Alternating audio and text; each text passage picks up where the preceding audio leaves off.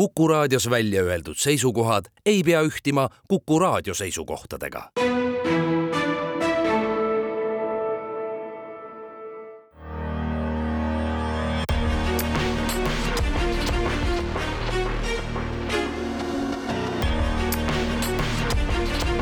välismääraja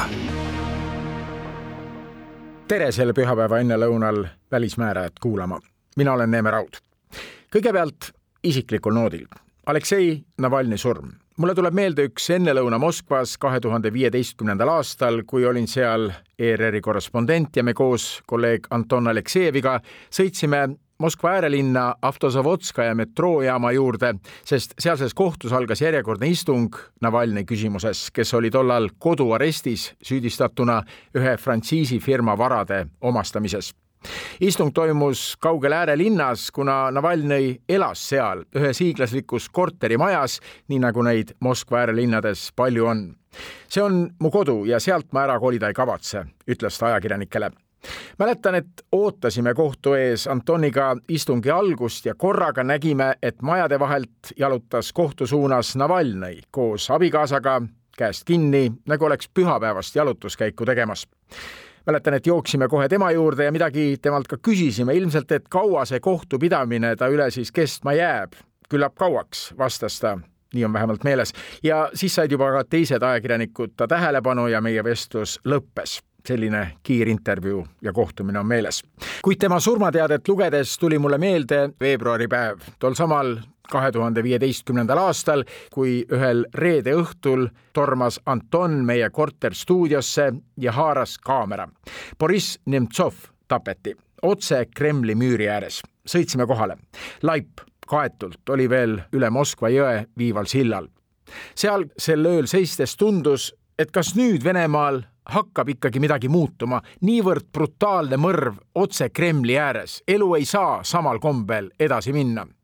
Mõni päev hiljem toimus Moskva kesklinnas kümnete tuhandete osavõtjatega mälestusprotestimarss, siis matused.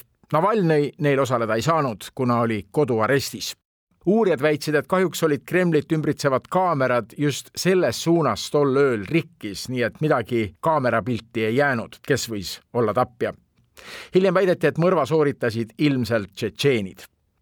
ja midagi riigis ei muutunud. ei ole muutunud seni, pigem ju vastupidi.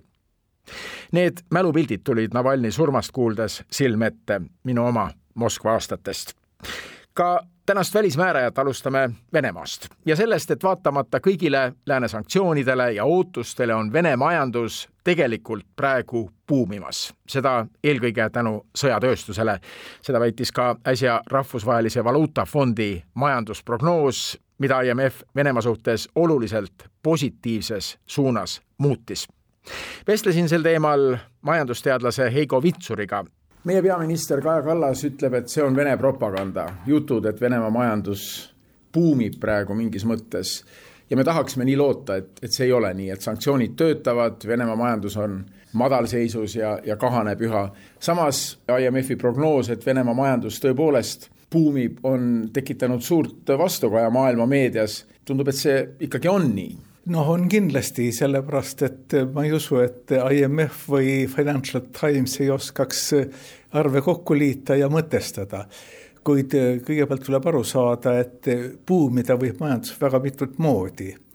sõjalised kulutused on üks asi, mis võivad majanduse buumima panna selliselt, et see puu võib osutuda selliseks pürhose võiduks sest kui sõjalised kulutused lähevad liiga suureks, näiteks nagu Põhja-Koreas, siis mingit buumi loomulikult ei ole. Venemaa kahtlemata momendil veel sellises olukorras ei ole, sest eh, Venemaa ressursid paraku on väga suured ja väga vajalikud maailmale et teisisõnu, Vene majandus on suuresti üle viidud sõjalistele oludele, sõjamajanduseks, et sõjatööstus toodab ja see on taganud siis sellise suure majandustõusu, samas ka kütusest ikkagi, kütusemüügist saadavad tulud on Venemaal jätkuvalt olemas. jah, täitsa nõus, kuid mitte ainult seda tuleb arvestada ka seda, et sanktsioonidel kui seesugustel oli Vene majandusele mõnes mõttes positiivse, positiivne mõju sellepärast et Venemaa majandus paljudes aspektides, nagu me omal ajal mäletame, ei olnud üldsegi konkurentsivõimeline. Venemaal toodetud asju keegi ei tahtnud osta, neid ei olnud võimalik müüa.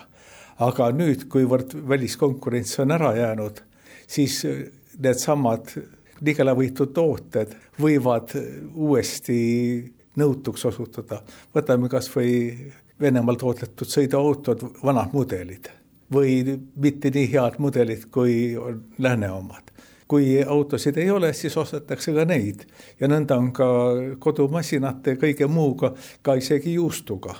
Läänest juustu ei tule, aga tehakse midagi, mida nimetatakse umbes samamoodi. nii et selle tõttu see sanktsioonid ja sõjaolukord on Venemaale andnud nii palju täiendavat tööd, et Venemaal tööpuudus on väga madal, kuskil kolm protsenti ainult ma mäletan neist aastatest, kui ma ise olin Moskvas, siis hakkas see suur kampaania suure venekeelse pealkirjaga Import Semešjanje oli vist see, et asendame impordi ja hakkame siis ise tootma kõiki neid tooteid ja see kõik muidugi on praegu siis selle buumi taga ka. aga, aga ikkagi kütus, selle müügist Venemaa ju teenib tulusid, kuigi osa suuri trasse ja juhtmeid on kinni pandud, aga nafta ja gaas on ikkagi Vene majanduse tulude suureks allikaks. jah, loomulikult ja sellest on väga raske loobuda, sest ega siis ei ole nii, et maailmas oleks võimalik toota kütust homme nii palju, et asendada kogu Venemaa toodang.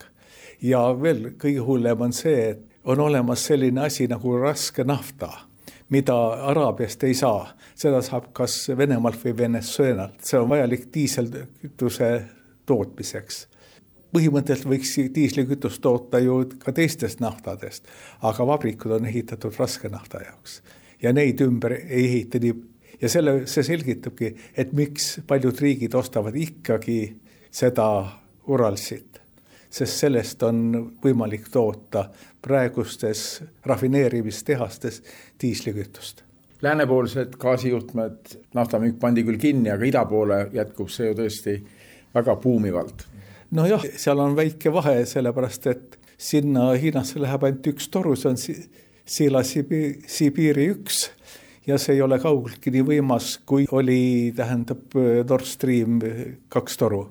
ja aga mitte ainult läände, sest ka üle Musta mere läheb kaks toru, need ei ole ka nii võimsad, aga läbi nende läheb nüüd nii palju, kui üldse torusse mahub. see on gaas jah, läheb Türgisse, läheb Balkani kaudu paljudesse maadesse, ilmselt ka näiteks Ungarisse, mis selgitab ka selles, et mille pärast Ungar on väga huvitatud, et saada soodsat ja odavat, odavamat gaasi ma mäletan oma Ungaris käigust, et üks selline sotsiaalne leping, mis Orbani valitsuse rahvaga oli, et gaas ja kütus peab olema odav ja seepärast on see Venemaa gaas nii võtmetähtsusega. aga sanktsioonid mingisugust mõju need meie Euroopa Liidu ja lääne poolt kehtestatud sanktsioonid Vene majandusele ehk on avaldanud ka negatiivses võtmes, me rääkisime juba, kuidas tootmise asendamine on positiivselt majandust mõjutanud, aga negatiivne pool? vot ongi nõnda, et arvati, et sellised tehnilised sanktsioonid on tugevamad kui finantssanktsioonid.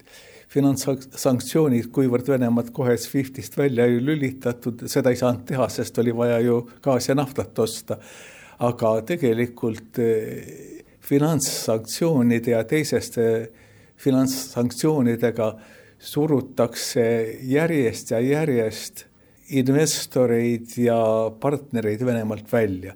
see mõju ei ole kiire, aga see on väga pikaajaline ja kui ei lasta tehnoloogiakaupu või tootvaid ettevõtteid kolmandat-neljandat kaudu Venemaale eksportida ja rakendatakse sanktsioone nendele pankadele, kes esimeses või teises astmes neid operatsiooni, operatsioone vahendavad, siis Vene firmade või partnerite arved sealt lihtsalt blokeeritakse, siis see mõju saab olema tugevam, kuid ta ei ole minutine.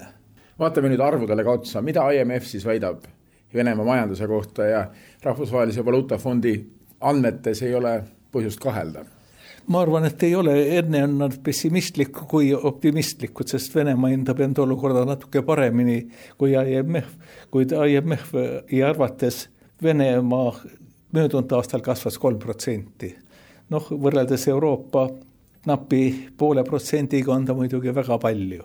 Vene, Vene majandus siis? Vene majandus, jah.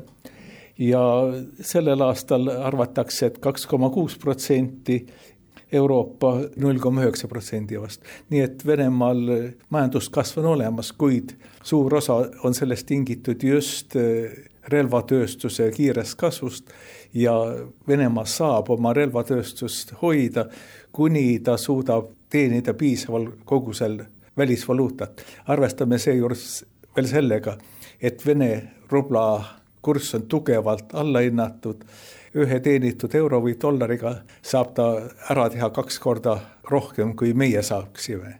nii et eh, iga teenitud dollar või euro on Venemaale kulda väärt.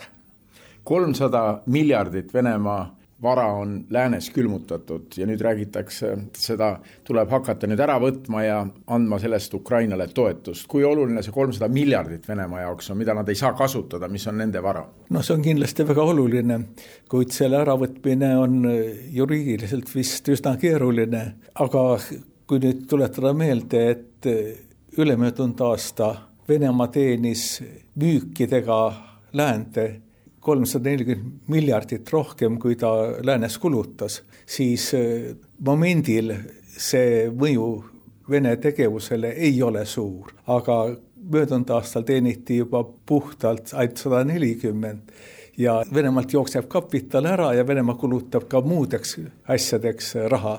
nii et äh, kuskil hakkab see tunda andma siin on veel üks hinnang, et äh, kui vaadata Venemaa palgakasvu, siis see ei ole tõusnud, tööhõive on küll suur, aga palgad ei ole tõusnud ja kuna hinnad tõusevad tänu sanktsioonidele, inflatsioon on riigis olemas, siis rahva säästude tase langeb ja see võib viia Venemaa tulevikus probleemide juurde, et inimesed hakkavad tundma, kuidas nad vaesuvad. kahtlemata, sellepärast et kui toodetakse järjest rohkem relvi, siis muud kaupa on järjest vähem. Ja hindade tõus on vältimatu ja hindade tõus selline kindlasti hakkab avaldama sellisele heaolule tuntavat mõju ja mitte väga kauges tulevikus Venemaa keskpanga juht Naibullina, kes on sellest ametist püüdnud korduvalt lahkuda, aga president Putin on öelnud, et Elvira Naibullina, te jääte ametisse. ta on väga hinnatud rahvusvaheliselt, sest ta on suutnud Vene majandust ikkagi vaatamata kõigele hoida kuidagi toimimas ja vee peal ja ka tema hoiatab, et kui majandus praegu jätkuvalt üle kuumeneb, siis see langus võib ühel hetkel tulla järsk ja ootamatu jah, see on alati ja kõikjal niimoodi olnud. tuletagem kas või meelde seitsmenda aasta finantskriisi, kuskil asi murdub. Aga millal see murdumine toimub, see on see meie jaoks see suur küsimärk, sest et kui see toimub aastate pärast, ütleme kümne aasta pärast, siis tulevad mustad mõtted pähe.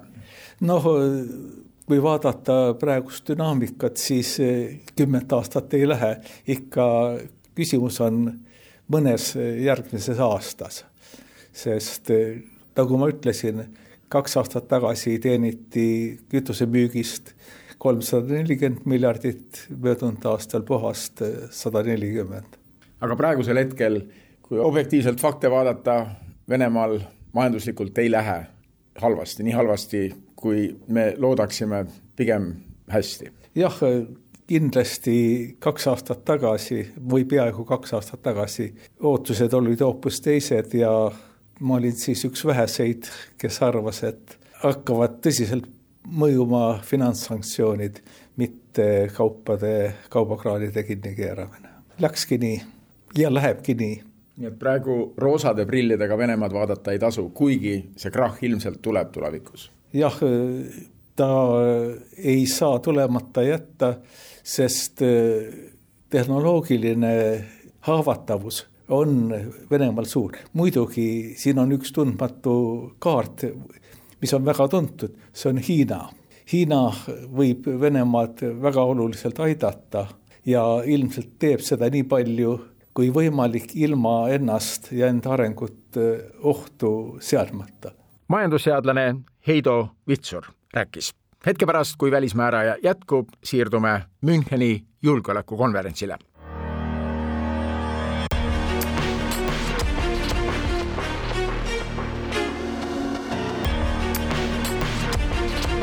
välismääraja selle nädalavahetuse kõige olulisemad välis- ja kaitsepoliitilised arutelud, mis otseselt ka meid puudutavad, meie turvalisust, toimuvad Müncheni julgeolekukonverentsil. arutelude ja paneelide vahepeal sain nüüd telefonile Rahvusvahelise Kaitseuuringute Keskuse juhi Indrek Kanniku, tere päevast! tere päevast! just rääkisime välismäärajas sellest, et tänu kaitsetööstuse üürgama panekule Vene majandus buumib. kui palju see teema Münchenis kõneainet annab, et Euroopa on kehtestanud ja läänemaailm on kehtestanud Venemaa vastu küll sanktsioone, aga Venemaa majandus buumib? no see ei ole domineeriv teema olnud, domineeriv teema on siiski, ütleksin see, et, et kuidas tagada Ukraina toetamine praeguses olukorras, kuna USA kongress, nagu me teame, on abipakett jäänud seisma ja sellest tulenevalt, osaliselt ka sellest tulenevalt on rindel ukrainlaste olukord märksa raskemaks läinud. et see on vast põhiline teema olnud. Ja loomulikult on oma, oma emotsiooni ja oma teatud templi üritusele löönud ka Aleksei Navalnõi eilne surm, mis sisuliselt võib siis öelda, et on ikkagi Vene võimu poolt korraldatud mõrv aga just see teema, et, et Venemaad ei ole õnnestunud murda, vaatamata lääne jõupingutustele ma arvan, et sellest on nagu võib-olla kõige paremini rääkinud tegelikult Ukraina president Volodõmõr Zelenskõi, kes äh, rõhutas, et Venemaa murdmine on tehtav, aga selleks peab lääs tõepoolest tõsiselt pingutama.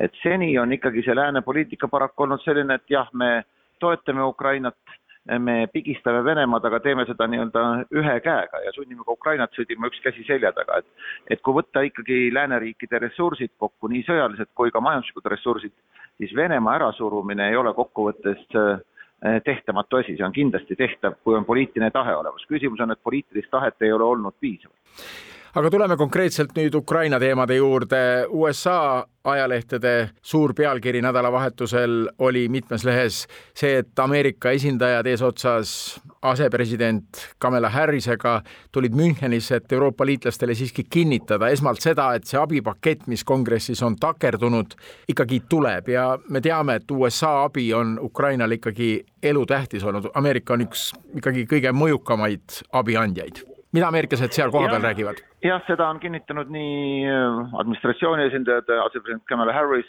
kui ka just praegu paneelis, äh, kus olid ka Eesti peaminister Kaja Kallas ja NATO peasekretär Jens Stoltenberg olnud ähm, vabariiklase senaator Ricketts, kes ka kinnitas, et see abipakett tuleb, aga see võtab aega, demokraatia on keeruline protsess, võtab aega, püüdis nii-öelda rahustada, kuigi no ma ei ole kindel, kui palju see ukrainlasi rahustas selles mõttes, et selle abipaketi venimine näiteks veel kuu aja võrra Äh, tähendab kindlasti tagasilöökirind ja tähendab kaotatud elusid Ukraina jaoks. kas Euroopa suudab, kui nüüd see abipakett peaks venima jääma ja võib-olla ei tulegi ühel hetkel, miski ei ole ju välistatud, kas Euroopa suudab seda Ameerika-poolset abi asendama hakata? Euroopa suudab seda, aga mitte, mitte pooleaastases või aastases perspektiivis, see võtab aega. Euroopa relvatööstuse käivitamine võtab aega ja noh, siiamaani ei ole lõpuni ületatud ka seda poliitilist äh, kari, mis on ees, et, et kui palju Euroopa rahadest ostetakse, ostetakse relvaspoolt väljaspoolt Euroopat, et seda Ukrainale siis edasi anda, et see on teatud riikide Prantsusmaa, Kreeka, Küprose vastuseisu taha jäänud seisma. et lühikeses perspektiivis Euroopa ei suuda Ameerikat asendada, mis tähendab seda, et, et kui Ameerika abipaketti ei tule, siis järgmise aasta jooksul, järgmise kahe-kolme aasta jooksul võib-olla on rindel ikka väga-väga raske olukord, et me võime olla väga kriitilises olukorras juba selleks hilissügiseks. ja teine otseselt Ameerikat puudutav teema ikkagi Donald Trump ja tema väited, et need NATO riigid, kes ei maksa, no las Venemaa ründab siis neid, et need, kes maksavad, saavad Ameerika kaitset ja et kui ta presidendiks saab, mis on ikkagi väga tõenäoline variant, kuigi midagi ei ole ju otsustatud, valimised toimuvad novembris, et kui ta presidendiks saab, siis ta võib hakata NATO-t kuidagi muutma kahejärguliseks või, või üldse raputada seda organisatsiooni. kui palju see Trumpi hoiatus, mis ka maailma meedias on vastu kajanud väga palju, Münchenis konkreetselt seal koridorides kõneainet annab? sellest ikka räägitakse ja noh, tegelikult on nagu ma arvaksin ikkagi enamike nagu tunne, et ehk paneb see Euroopat veel rohkem tegema enda, enda kaitsmise jaoks. tegelikult, kui me vaatame neid riike, eh, kes on esmase Venemaa sõjalise löögi ohu all ehk Venemaa naabrid, siis nende puhul kellelgi selle kahe protsendiga tegelikult probleeme enam ei ole ja ammu juba ei ole, tükk aega juba ei ole. et see pigem on ikkagi suunatud tänasel päeval see ähvardus Lääne-Euroopa riikidele ja ma, ma usuksin, et see on pigem sellise survemehhanismina praeguses faasis tõlgendatav. aga meie enda julgeolek, kui palju sel teemal on su märkmikusse ajumärkmikusse märkmeid tulnud, mis puudutab meie enda julgeolekut, ka see, turvatunne on siin natuke nagu kõikuma löönud meil Eestis kuuleme siin konverentsi taustahelisid, aga, aga jätkame seda juttu. ka see turvatunne on kuidagi kõikuma löönud, et, et äkki ikkagi oleme ohustatud juba lähitulevikus? no ma arvan, et väga lähitulevikus me kindlasti ohustatud ei ole, selles mõttes, et äh, Venemaa ei ole võitnud sõda Ukrainas ja niikaua, kuni Venemaa ei võida seda sõda Ukrainas, ei ole tal ressurssi alustada nii-öelda uut rinnet ja veel, veel vähem alustada uut rinnet NATO liikmesriikide vastu aga see põhjus, miks me peame tegema kõik meist sõltuva, et Venemaa ei võidakski seda sõda, kuna muidu on arvestatav oht, et see sõda tuleb meile siiski lähemale. aga noh, ma ütleksin siin, et, et jah, ei lähitulevikus ma, ma meie, meie julgeolekule ohtu ei näe Müncheni konverents kahe tuhande seitsmendal aastal oli see koht, kus president Putin avaldas muret, et NATO ja lääneriigid on teda petnud, et NATO-t laiendati ja üsna pärast seda konverentsi toimus Gruusia ründamine. ka praegu ikkagi on selline pahaendeline õhkkond maailma poliitikas, on seda tunda ka Münchenis? no seda, et me elame halval ajal, seda on kindlasti siin tunda. et eh, noh, lisaks, lisaks eh, Ukraina-Vene sõjale on ju ka arvestatav sõda käimas Lähis-Idas, on tõsine pingekolle Ida-Aasias nii Põhja-Korea kui Hiina poolt tekitatuna, et neid kohti, kus on nagu muretsemiseks põhjusi, on, on küll ja küll. et, ähm, et jah, et ei, maailma olukord on kindlasti halvem, kui ta oli kahekümne aasta eest, selles ei ole mingit kahtlust. aga sellist otsest tunnet, et Euroopa võib silmitsi seista Ukrainast veel edasi valguva sõjaga, suure sõjaga, seda ikka loodetavasti ei ole nagu ma ütlesin, et tänasel hetkel Ukraina ei ole veel sõda kaotamas, kui, kui see peaks juhtuma ja kui see juhtub, siis see juhtub ainult selle tõttu, et lääneriikide juhtidel polnud otsustuskindlust äh, Ukrainat piisavalt toetada, on olukord muidugi teine ja palju keerulisem, nii meie kui kõigi meie NATO liitlaste jaoks. sellest on siin ka korduvalt juttu olnud, ma arvan, see on üsna üldine konsensus, ma ei ole kuulnud kedagi, kes ei jagaks seda arvamust, et Putin läheb nii kaugele, kui tal lastakse minna, et Putin tuleb tõrjuda tagasi ja ainuke jõud, mida ta tajub, on, on, on füüsiline sõjaline vastasjõud, mida ta aktsepteerib ütlesid, et konverentsi kohal lasub siiski ka Aleksei Navalnõi vari, see kurbus tema surmateate järel ja ikkagi see jõuetus, mis on tekkinud paljudes, et Venemaad see ei muuda. kui palju sellest konverentsil räägitakse ja mida? No sellest on ka räägitud, äh, mitte võib-olla nüüd põhiteemana jälle, aga noh, mulle tundub ka, et siiski see naiivsus vähemalt ajutiselt on äh, läänes, Lääne-Euroopas vähenemas, et äh, kusagil on olemas head venelased, kes on valmis võtma Vene riigi üle ja viima ta demokraatiasse, kui ainult Putin eest ära läheks, et ma arvan, et see ei ole enam tänasel päeval domineeriv mõttelaad. ma ei ütle, et seda üldse pole olemas, aga see ei ole enam kindlasti domineeriv mõttelaad, et üldiselt tajutakse, et et Venemaa jääb väga problemaatiliseks naabriks ka siis, kui kunagi Putin tema eesotsas enam ei ole. kui sa räägid sellest, et see mõttelaad on alles, siis kelle puhul seda näha on.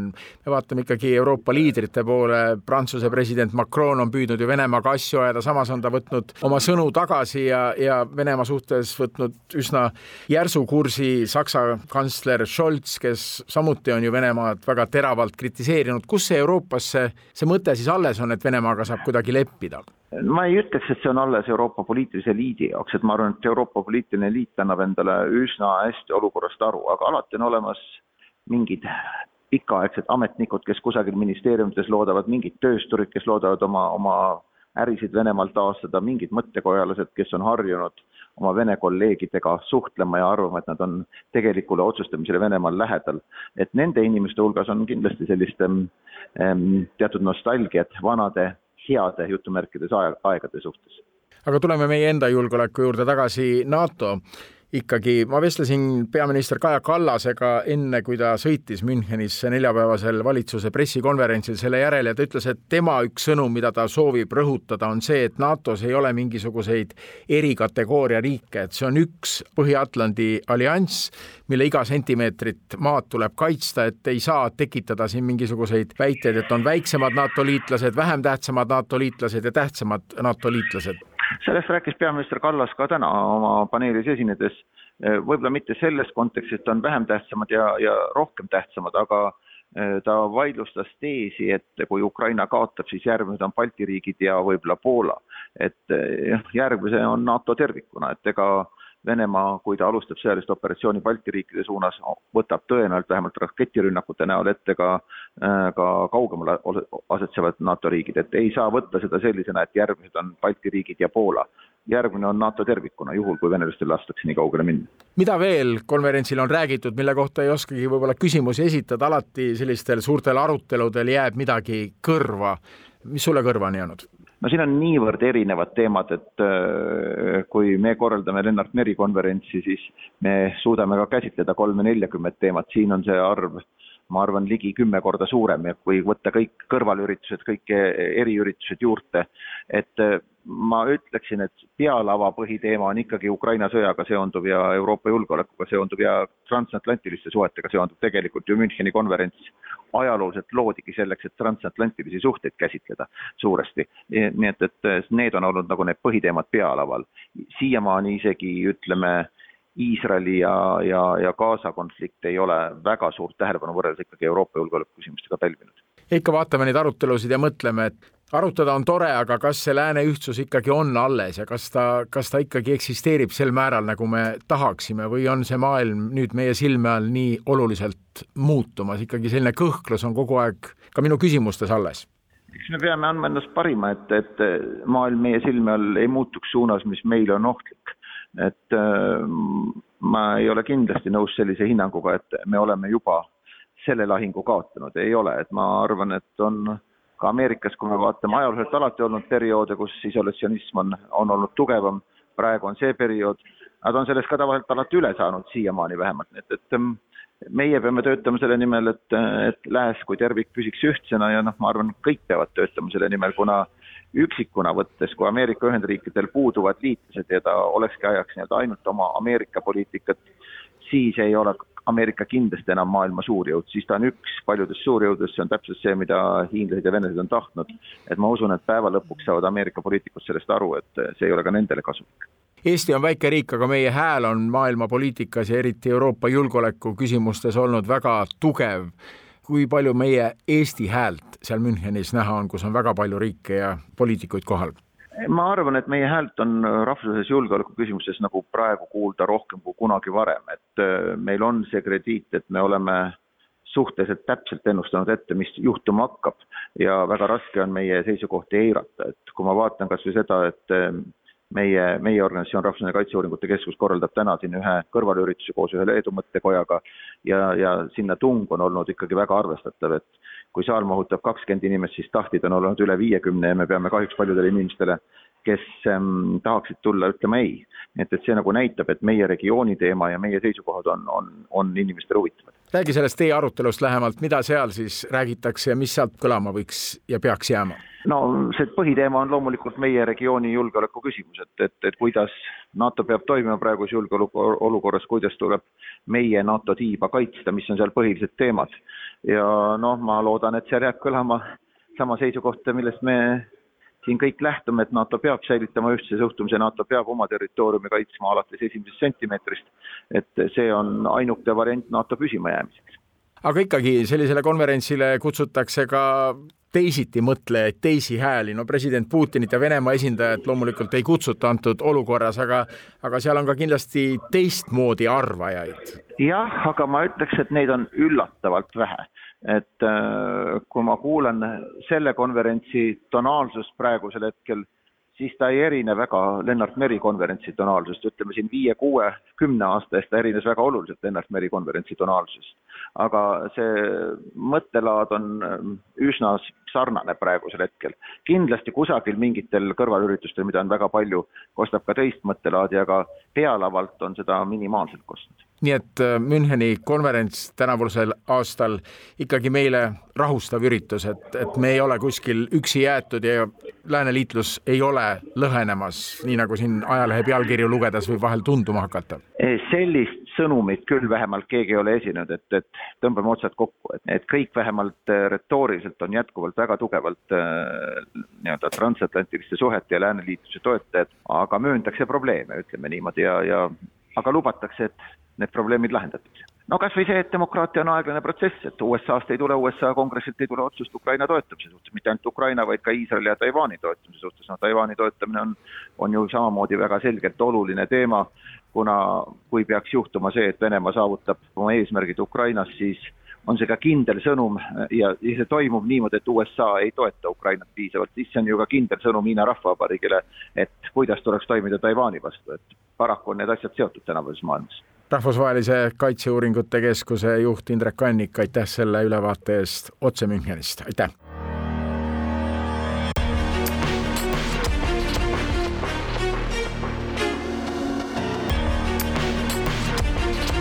välismääraja.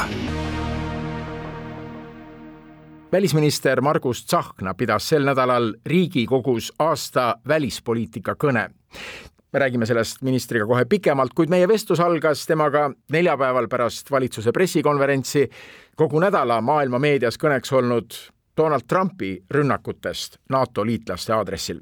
ikkagi nädala teema maailma ajakirjanduses on Trumpi välja öeldud sõnad, et, et kui vaja, siis las Venemaa ründab neid NATO riike, kes ei ole oma kahte protsenti täitnud. Eesti on täitnud oma kahe protsendi kohustuse, aga me oleme nii väiksed, et me jääme Trumpil kahe silma vahele me peame kõigepealt aru saama sellest, et äh, Ameerika Ühendriikides käib jõhker valimisvõitlus ja nii-öelda elu ja surma peale, see on üks.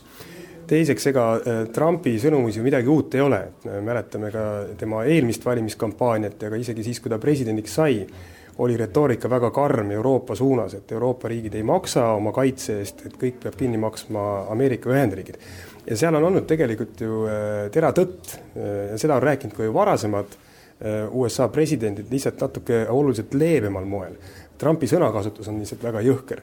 Euroopa Liit peabki rohkem panema, Euroopa riigid peavad rohkem panema oma kaitsesse ja õnneks ka panevad.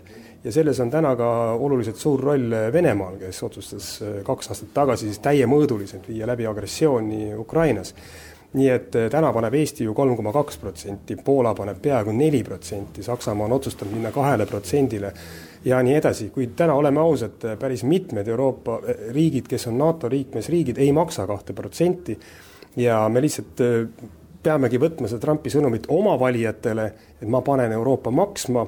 Ja ma loodan, et tegelikult see reaalses elus eh, kuidagimoodi seda praktilist suhet transatlantilises mõttes NATO-s ei, ei väära. Ma olin kaitseminister siis, kui Donald Trump sai esimest korda presidendiks. Ja siis oli ka suur teadmatus peale valimiskampaaniat, kus öeldi väga karme asju välja, et mis siis tegelikult saab. ma väga loodan, et läheb samamoodi, et eh, kas või Eesti perspektiivist vaadatuna, et tegelikult eh, Trumpi valitsemise ajal panustati Euroopa ja ka meie regiooni julgeolekusse oluliselt rohkem, nii sõjalist jõudu kui ka rahaliselt ja noh, ma mäletan väga hästi ka seda NATO tippkohtumist Brüsselis, kus Trump kohu, kohal käis siis kõigepealt häiris teda muidugi see, et eh, NATO oli endale ehitanud väga kalli suure peakorteri, mida ta ütles, põhimõtteliselt mõte oli see, et see tuleks maha lammutada ja selle asemel tuleks osta relvi. ja, ja muidugi teine sõnum oli see, kuidas ikkagi ta personaalselt näpuga näidates ütles, et eh, sina pead maksma, sina pead maksma, muidu me ei kaitse neid ja maksti ka rohkem, anti rohkem lubadusi. aga samas, kui vaadata need riigid, kes maksavad alla kahe protsendi, need on need suured riigid, nende panus on ikkagi rahalises mõttes tohutu suur no panus rahaliselt on suur, aga oleme ausad, et meile maksta kolm protsenti SKP-st on sama, mis maksta mõnele suurele riigile kolm protsenti SKP-st, see on kõigile võrdne. ka meil on samasugused vajadused inimestel. vahe on lihtsalt selles, et meie majandused on väiksemad, meil ei ole oma tulu, meil ei ole oma majandust, mille pealt tegelikult seda raha kokku korjata. nii et näiteks väiksematel riikidel saada kokku kolm protsenti SKP-st kaitsele on tegelikult inimestele koormavam kui võib-olla suurtel riikidel. rahanumbrid nominaalselt on kindlasti suuremad, aga me räägime ka ju nende majanduste suurusest, nii et eh, vähemalt kaks protsenti on see, mis tuleb täita, noh, me, me saame ju aru, et eh, see reaalne sõjaline oht Venemaa poolt ei ole enam lihtsalt mingi jutt, see täna ju reaalselt toimub. nii et eh, et kui Trumpi juurde tagasi tulla, siis ma loodan väga, et see on nagu spetsiifiliselt suunatud eelkõige oma valijatele aga meie asi on ka kummutada äh, neid fakte, et Euroopa teeb tegelikult järjest rohkem. et ka minu enda visiidi ajal Ameerika Ühendriikidesse ma valisin osariigi Arkansas äh, lisaks siis Washington DC-le ja, ja kui sa räägid nende inimestega, et äh, tegelikult täna Euroopa Liit pluss Suurbritannia on sõjaliselt rohkem panustanud Ukraina abistamisse kui USA, siis äh, seda väga ei usuta. ka see fakt näiteks, et Euroopa Liit suutis otsustada viiskümmend miljardit Ukraina abistamise fondi, Ameerika Ühendriigid hetkel ei ole suutnud seda otsust langetada, mis puudutab siis seal kuuskümmend pluss miljardit, noh, need on ka kõnekad faktid, et me saame ja peamegi teadvustama ka Ameerika inimestele, et Euroopa maksab, Euroopa kaitseb, aga ka Ameerika enda huvides on ju see, et NATO toimiks, et demokraatlik maailm oleks kaitstud. et äh, kui, äh, kui Venemaa peaks selle sõja võitma, siis ei kaota mitte ainult ju Ukraina, vaid me kaotame kõik, me kaotame oma elustiili, me kaotame oma väärtused, siis selle eest võidelda on juba oluliselt kallim me loodame, et meie kahte protsenti ja juba enam kui kolme protsenti, mida me panustame, pannakse tähele ja nähakse, et Eesti püüab, aga meie regioonist püüab ikkagi kõige enam ja kõige innukamalt ja nähtavamalt Poola, mis on suur riik.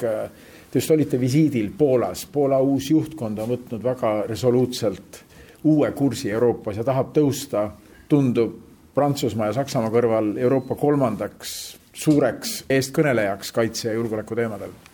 Ja ma viibisin äh, ametlikul kahepoolsel visiidil äh, eile Varssavis ja, ja minister äh, Sikorskiga oli meil päris pikk arutelu, ega tema taust ei ole ka midagi uut, ta on ju olnud poliitikas, ta on võimas, võimas visioonikas äh, juht ja mul on selle üle ainult hea meel. kui oli tunne, et eelmine valitsus äh, Poolas pigem proovis minna sellist isolatsiooni teed, siis meie jaoks siin regioonis on väga tähtis just see avatud koostöö. ja üks märksõna, mida me arutasime, on ka mitte ainult nii-öelda Poola-Balti koostöö, vaid see telg Poola, Balti riigid, Põhjamaa riigid ja eriti arvestades nüüd olukorda, kus äh, Soome on NATO täisliige ja Rootsi kohe saab, ja, ja kui me seda kõike koos vaatame, ka näiteks koos Suurbritannia, Taani, kõigi nende riikidega, ka Norra näiteks, siis see on väga, väga suur nii-öelda piiririikide plokk, millel on väga suur majandus ja ka sõjaline jõud nii et, et see nii-öelda värske pilk tänases uues valitsuses on kindlasti ka Eesti ja kogu regiooni julgeoleku huvides. ka Eesti püüab maailma ja eelkõige Euroopa julgeolekusse oma teemadega panustada ja üks suur teema on, mis jäi kõlama teie kõnest Riigikogu ees, välispoliitika kõnes sel nädalal inglise keeles fit for freedom, mõtlesin, kuidas seda eesti keelde tõlgitakse ja siis nägin priiuseks küps. no mida see tähendab, natukene see nimi jätab kõik otsad lahtiseks, mida me siis taotleme selle kontseptsiooniga? tõepoolest, kui ma asusin tööle välisministrina, siis äh, üks minu tähelepanek oli, et meil on väga palju erinevaid konkreetseid poliitikaid, äh, mida me ellu viime ja neid paratamatult äh, täna lähtuvad Venemaa agressioonist Ukraina vastu. Ja need poliitikad kõik ühekaupa võttes ongi väga õiged ja nad seisavad nende põhiväärtuste eest ja ma käivitasingi selle töö, kus erinevad äh, mõttekodalased ja, ja eksperdid äh, panid kokku selle narratiivi, et mis see on see üks narratiiv, üks, üks arusaadav lugu, et mille eest me tegelikult seisame ja need on tegelikult vabadused. Eesti on üks väga tugev eestkõneleja just nimelt vabaduste teemal, sest et oleme ausad, meie enda need vabadused, mille me saime tagasi üheksakümne esimesel aastal, on loonud kõik selle nii majandusliku, isikliku õnne, äh, maailma globaalse seisundi, ka julgeolekupoliitilised alused, millel me täna seisame ja need vabadused ei ole kuidagimoodi iseenesestmõistetavad täna maailmas. ja eriti nüüd selles samas äh, Venemaa agressiooni pildis on see, et et neid vabadusi on kuidagi hakatud võtma iseenesestmõistetavad, aga me peame olema küpsed neid kaitsma, me peame olema valmis nende eest seisma, need puudutavad mitte ainult sõjalist toetust Ukrainale ja Ukraina võitu, need toetab, need puudutavad laste küüditamist, need puudutavad seda, et agressor peab saama karistatud. Putin peab äh, maksma tegelikult selle eest, mida ta on ellu viinud, äh, kuni Ukraina ülesehitamiseni välja et eh, see on, see on kompleks teemasid, aga ka näiteks sõnavabaduse eest seismine maailmas, see internetivabadus näiteks, mis meile Eestis tundub iseenesestmõistetav, on, on üks teema, mis on ju globaalne probleem. et sellega võetakse ära inimestel ju adekvaatse info saamine ja eneseväljenduse õigused kahekümne esimesel sajandil. ja, ja see ongi selline kompleksne nägemus ja selle taga on tegelikult üks päris pikk konkreetne tegevuskava, mida siis Eesti riik ja Välisministeerium ka maailmas ellu viib. nii et see pole ainult üks sõna, kas fit for freedom aga me nüüd teadvustamegi seda kõikvõimalikes erinevates formaatides maailmas, et mida me sellega mõtleme ja see on see, mis toob siis nende, selle väärtuspoliitika ühe mütsi alla. aga ikkagi, mida me siis tegema hakkame, see nimi Priuseks küps on kõlav nimi, aga mida siis konkreetselt erinevatel foorumitel rääkima internetivabadusest, me siin osaleme väga paljudes formaatides üle maailma, mida me võib-olla kodus ei, ei näegi, aga, aga mis see konkreetne tegevuskava siis on, kuidas seda nüüd hakata sisustama, seda priiuseks küps kontseptsiooni? no väga paljud poliitikad on selle äh, priiuseks küps äh, loosungi alla toodud, mida me täna ellu viime no kõige konkreetsem näite, mis mul kohe pähe tuleb, on näiteks see, et meie Riigikogu Eestis menetleb seadust, kuidasmoodi võtta kasutusele Venemaa külmutatud varad. See on esimene seadusandlus Euroopas, aga tegelikult laiemalt maailmas, kuidas juba sõja ajal võtta kasutusele Venemaa külmutatud varad, et üles ehitada Ukraina. see on konkreetne samm näiteks see, et me oleme loonud grupi riikidest, kes siis ÜRO-s äh, püüab algatada seda resolutsiooni millega moodustatakse siis eritribunal selle jaoks, et äh, võtta vastutusele agressioonikuritegude eest äh, Putin ja tema lähikondlased, see on, need on leadership'id ehk siis liidrikuriteod. Viimati äh, suudeti seda teha peale teist maailmasõda Nürnbergis, kui me kahekümne esimesel sajandil ei suuda agressiooni eest, kus mis on nii selgelt tõendatud, võtta Putinit vastutusele, siis on see meie väärtuste äh, pankrot, oleme ausad. või kui me räägime kas või nendest samadest küüditatud lastest mitte ainult nende tagasisaamine pole teema, vaid see, et eh, need inimesed, kes selle kõigega tegelevad, peavad eh, võtma vastutuse, nad peavad eh, saama karistatud sõna otseses mõttes. aga ka laiemad teemad, needsamad võrdõiguslikkuse teemad, kas või see, et Eesti võttis vastu otsuse, et sellest aastast, esimesest jaanuarist on meil abieluvõrdsus näiteks, kas või see on üks asi, mis ei ole paljudes kohtades enesestmõistetav ja ka Eestis tekitas see kümme aastat väga kummalist debatti, aga täna me oleme seda teinud ja see on näiteks üks näide, mida me väga paljudes riikides ka toome. et me võime vaielda, aga lõpuks tuleb langetada otsus, et kõigil oleks võrdsed võimalused eneseteostuseks, õnneks, kasvõi abieluks, see on väga oluline väärtusnihe. nii et neid tegevusi on tegelikult väga palju, millega me tegeleme et, äh, et siin ei olegi võimalik ühekaupa üles ehitada. noh, võib-olla veel üks väga konkreetne näide, et me oleme valitsuses võtnud vastu otsuse et aastas me anname kolmkümmend viis erakorralist elamisluba nendele ajakirjanikele näiteks, kes on eh, ohupiirkondades eh, nii-öelda ohtlikes olukordades, et me toome nad Eestisse. Eh, me oleme toonud näiteks Valgevenest ja mõnedest teistest riikidest, et noh, neid, et tagada just nimelt sõnavabaduse kestmist ja, ja internetivabadusest oli juba juttu, et see pole nii enesestmõistetav. samamoodi nende vabaduste teemal ju toimub Eestis äh, iga sügis ju suur rahvusvaheline konverents, mis puudutabki sedasama äh, nii-öelda, äh, et vabadused toovad kaasa kogu selle valitsuse, valitsemise läbipaistvuse ja kaasatuse, nii et me oleme sellel teemal maailmas üks, üks päris usutav ja, ja, ja niisugune eestkõneleja riik me oleme väga väike riik ja kui me võtame sellise suure teema, kas ei ole üle meie peade? ma arvan, et teema, mis puudutab vabadust, on, ta on väga suur teema, aga ta on väga, väga isiklik ka. tegelikult see ju lõpuks läheb iga indiviidini välja, et see printsiip seal taga ongi see, et mitte kedagi, mitte ühtegi inimest maailmas ei tohiks ei ahistada, väärkohelda, ei tohiks eh, neile kahju teha nende tahte vastaselt, et see on see väärtus, et siin ei ole vahet, kui suur sinu riik on, sest et eh, iga inimene lõpuks maailmas tajub seda vabadust ju isiklikult, eneseteostuse võimalust kas ta saab vabalt ennast väljendada, kas ta saab haridust, kas ta saab teha tööd, kas ta saab reisida, kas ta saab valida, kellega ta abiellub, kas ta üldse abiellub, kui palju lapsi ta saab ja nii edasi. Need teemad ei ole üldse väga kauged ka Eesti inimestele, meil on ka siin olnud debatt, et mitu last peab naine sünnitama, et riik säiliks, et lõpuks on see ju vabaduse küsimus. Ja kui inimesed tunnevad, et nende vabadused on kaitstud, siis nad saavad ennast paremini teostada, nii et äh, siin ei ole üldse probleem, et Eesti on väike, vaid me peame olema usutav. Ja me oleme usutav sest et see hüpe, kus meie rahvas on äh, tulnud nüüd üheksakümne esimesest aastast, kus me olime okupeeritud, just vabaks saanud, meil ei olnud mitte midagi peale meie tahte, keele, kultuuri ja kuhu me oleme täna jõudnud, kas või infotehnoloogilises arengus.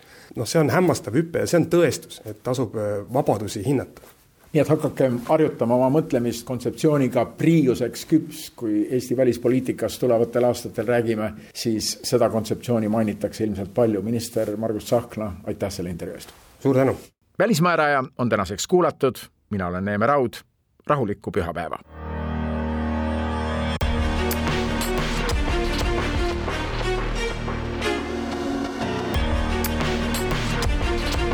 välismääraja